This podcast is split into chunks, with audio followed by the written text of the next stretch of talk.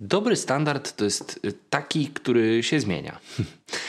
Ja wiem, że to nie brzmi intuicyjnie, ale yy, chciałbym dzisiaj opowiedzieć o tym, jak pewne rzeczy, które ustalam sobie, że takie właśnie będą, się zmieniają.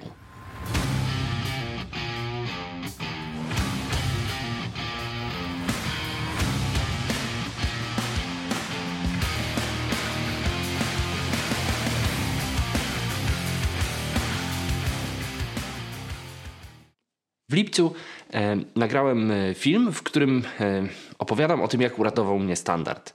Jak e, stanąłem przed zadaniem sprawdzenia bardzo wielu, dość długich e, prac i potrzebowałem jakiegoś takiego narzędzia do sprawdzania tych prac, które e, pozwoli mi być obiektywnym.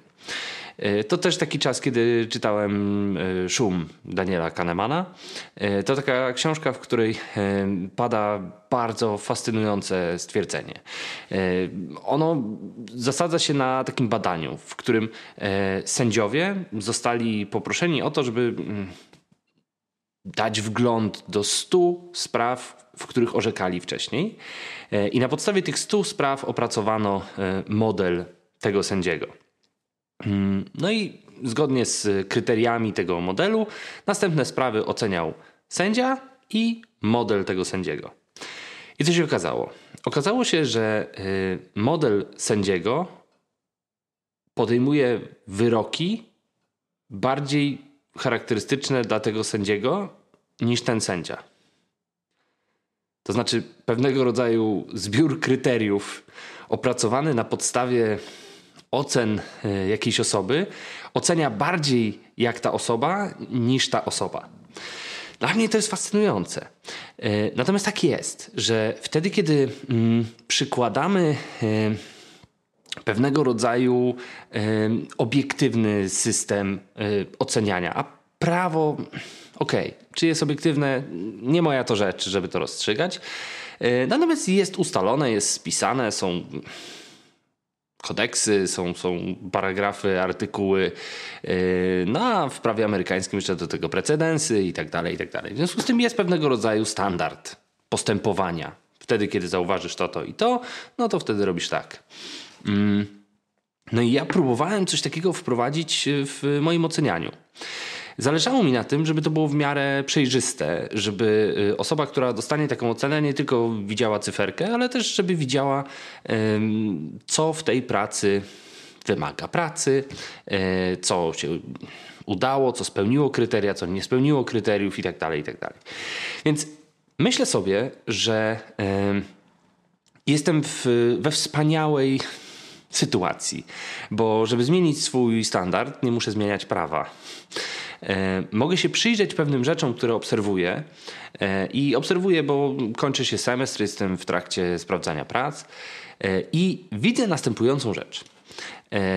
Założyłem sobie, że w tym pierwszym standardzie będzie się pojawiała głównie ocena zero-jedynkowa. To znaczy, czy w pracy coś było, czy nie było. No i jeśli było, to punkt. A jak nie było, to nie punkt. Koniec. Brzmi prosto. Natomiast sprawdzając tę pracę, e, bardzo często dochodzę do takiej sytuacji, w której no pół punkta. No bo jest. No bo nie można powiedzieć, że nie jest. Ale nie jest tak, jak bym chciał. Co to powoduje? To powoduje, że yy, myśląc o standardzie na następny semestr, wiem już, że to nie jeden punkt, tylko dwa. A to jakby modyfikuje całą yy, sumę tych punktów, które można sobie tam uzyskać na jakąś ocenkę. Więc myślę sobie o tym, że yy, przechodząc ze standardu czy, czyli tak lub nie, yy, wchodzimy do standardu jak bardzo.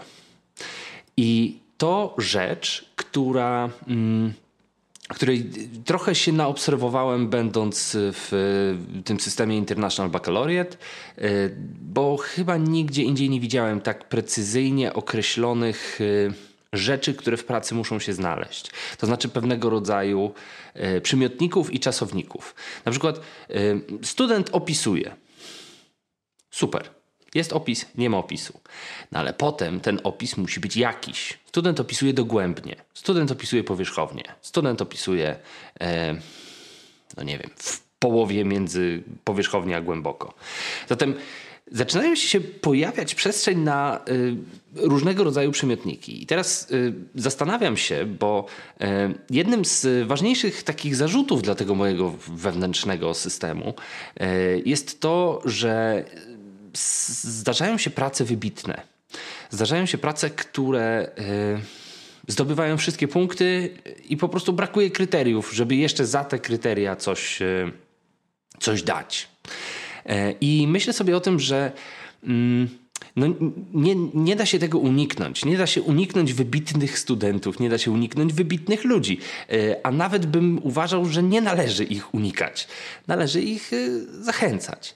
I teraz problem jest taki. No, nie możemy, albo ja nie chcę, raczej ja nie chcę niż nie możemy, bo możemy, ale ja nie chcę.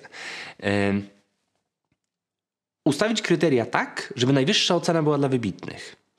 E, co powoduje, że wszystkie punkty można dostać za opis dogłębny, za literaturę przekrojową, za e, konceptualizację brawurową i tak dalej, i tak. Powstają pewnego rodzaju przymiotniki, które są trudne do określenia. To znaczy, co to znaczy, że coś jest brawurowe? Albo co znaczy, że coś jest przekrojowe? To znaczy, że ktoś w pracy z psychologii ma e, cytować e, podcast o sztucznej inteligencji?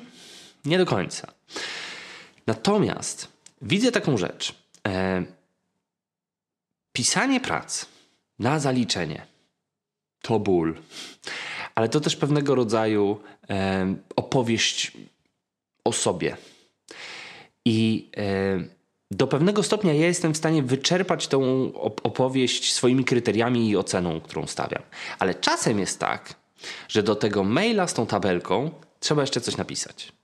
Trzeba napisać o swoim zachwycie, o swoim podziwie, o y, zainteresowaniu tematem. To dokłada roboty, ja wiem. Y, natomiast tych wybitnych z drugiej strony, czy jest aż tak wiele? Nie sądzę. Y, natomiast chodzi mi o to, że wtedy, kiedy przekraczamy ocenę, Wtedy, kiedy ktoś zrobił więcej niż, niż kryteria pozwalają, y, wtedy nie zmieniamy oceny. Wtedy nasza relacja musi być tym, co uniesie mm, wagę tego przekroczenia. To, yy, to, co ja powiem, musi mieć znaczenie dla osoby, która tego będzie słuchać.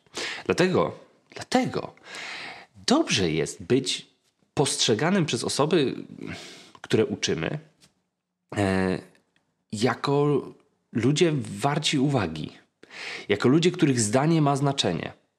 Bo tylko wtedy nie trzeba stawiać siódemek, ósemek, jedenastek i tak dalej, tylko można postawić pionę i dwa zdania napisać. I to ma wtedy znaczenie. Dlatego nie planuję, nie, nie myślę o tym, żeby y, zmuszać osoby, które nie są wybitne albo nie chcą być wybitne, albo nie chcą być widziane jako wybitne, do tego, żeby mogły dostać piątkę tylko wtedy, kiedy po prostu kapcie mi spadną. Natomiast dla mm, dla tej większości, e, większości ocen, które mieszczą się w kryteriach, okazuje się, że te kryteria nie zawsze są e, równo rozłożone. To znaczy odległość między 2 a 3 jest inna niż między 3 a 4 i między 4 a 5. E, może być tak, że zdarza się wiele prac, które spełniają kryteria na 4. Ale może być też tak, że kryteria są tak skonstruowane, że czytając dopiero dziesiątą, piętnastą, pięćdziesiątą pracę, widzimy różnicę między tym, gdzie jest 3, a gdzie jest 4 gdzie jest 3,5 i tak dalej. Więc y, myślę sobie o tym, że y, dobrym punktem wyjścia do tworzenia sobie systemu oceniania jest y, system tak lub nie, to znaczy było lub nie było. I wtedy łatwo się rozmawia z osobą uczącą się na temat jej pracy, bo się pyta: jest, jak jest, to pokaż palcem gdzie. Jak nie ma, to nie ma, to trzeba dopisać. Natomiast jeżeli jest i nie da się powiedzieć, że nie jest, bo jest, ale nie jest jakieś, to e, określenie, które wymaga doświadczenia w sprawdzaniu prac.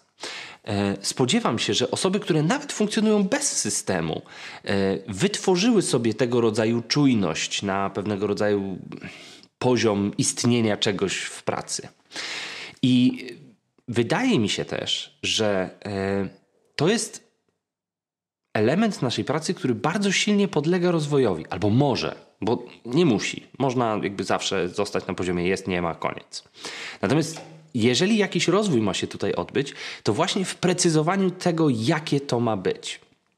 I chcę podkreślić, bo to chyba jest dla mnie dzisiaj najważniejsze, że to nie musi być od razu. Że ty nie musisz od razu wiedzieć, na jakim poziomie coś ma być. Dlatego, że e, jeżeli takie założenie a priorycznie zrobimy, e, to może się okazać, że nikt nigdy tego nie spełni. Że to, co my próbujemy zrobić, jest y, wymuszeniem na osobie uczącej się y, pewnego rodzaju odbicia nas, naszego oczekiwania, naszego pomysłu itd. Tak itd. A uczenie się na sprawdzaniu prac, tego gdzie są te granice, tego jak, jakimi przymiotnikami to określać i jak rozmawiać z tymi osobami potem o tych pracach, no tego się nie powinno robić we własnej głowie. Jednak yy, dialog wewnętrzny jest nam potrzebny, ale dialog wewnętrzny niekoniecznie kontaktuje nam z, z tym, co jest na zewnątrz. Więc wydaje mi się, że. Yy, ja sobie na to pozwalam. Pozwalam sobie na to, bo y, nikt tego nie sprawdza i to nikogo nie, nie interesuje.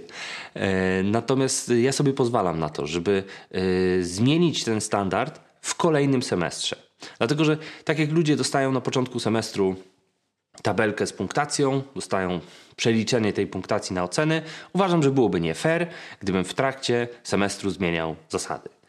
Natomiast między semestrami jak najbardziej. I cieszę się, strasznie się cieszę, że pracuję w tych, w tych takich odcinkach semestralnych, bo ja mogę raz na pół roku solidnie przemyśleć to, co sobie określiłem i określić to na nowo. Jestem w stanie popatrzeć, jak ludzie na to reagują, czy to jest jasne, czy to jest jasne tylko dla mnie, czy to też jest jasne dla nich.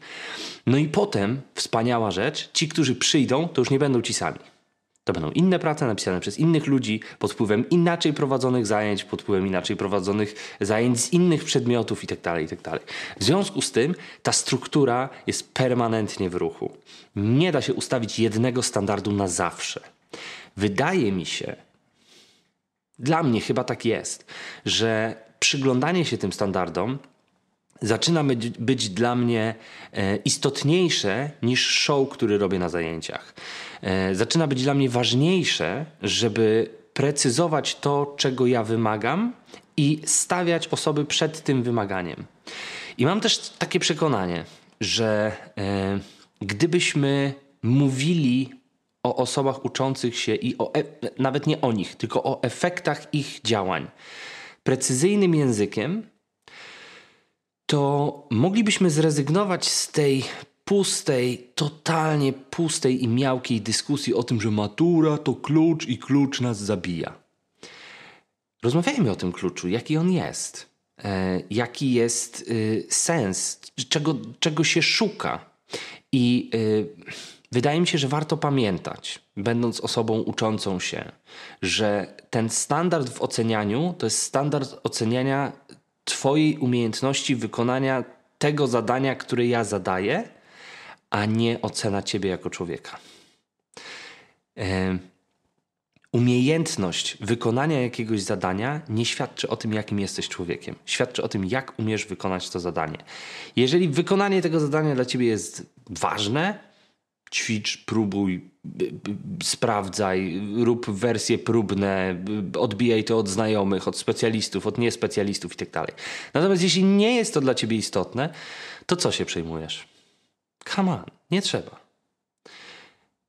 To jest dla mnie istotne, żeby w tym w tej przestrzeni była jakaś otwarta dyskusja, która e, pozbawiona jest, e, albo którą pozbawiamy, bo na razie nie jest pozbawiona, ale którą próbujemy pozbawić tej osobistej oceny, a skoncentrować się na tym, co jest e, zewnętrzne dla nas, czyli na wytworach naszej, naszego zaangażowania, naszej pracy, a nie na nas jako ludziach. I wydaje mi się, że to powoduje, że jesteśmy bardziej nastawieni na rozwój i e, stoimy po jednej stronie. Że e, ten obiekt, na który patrzymy, to jest obiekt, na który patrzymy z tej samej pozycji. Są kryteria, ja widzę to tak, ty widzisz to tak, patrzymy na to razem. Praca, którą wysyła osoba studiująca, nie powinna być dla nas y, punktem podziału. Nie, ja napisałem pracę, wysyłam ją tobie, ty musisz tą pracę sprawdzić, znaleźć w niej błędy, więc na nią patrzysz i tak naprawdę ona nas dzieli. Nie, my powinniśmy w jednym rzędzie, w jednej linii, w jednej pozycji stanąć do tej pracy i popatrzeć wspólnie na to, co w niej jest, a czego w niej nie ma. I y, z tego powinien płynąć y, rozwój tej osoby uczącej się, y, a nie z tego, że ja jej powiem, jaka ona jest przy pomocy tej pracy, którą ta osoba mi wysłała. Wydaje mi się to niesprawiedliwe. I w końcu, bo to taka refleksja w ogóle luzem, ale wydaje mi się, że istotna. Warto myśleć o tym, jak y, sprawdzać, jak rozmawiać z ludźmi y, o ich wytworach, y, na przykład na wernisażach. To znaczy podchodzić do artystów i rozmawiać z nimi o ich pracy. Nie na zasadzie, o, jaki ładny obraz, o, jaka zgrabna rzeźba. Tylko raczej, żeby mm, powiedzieć, jak mi z tym jest i jak tobie z tym jest, że to jest takie, jakie jest. Ale to pewnie refleksja na inny film, inny kanał, inny dzień. Wyzwań i rozwoju.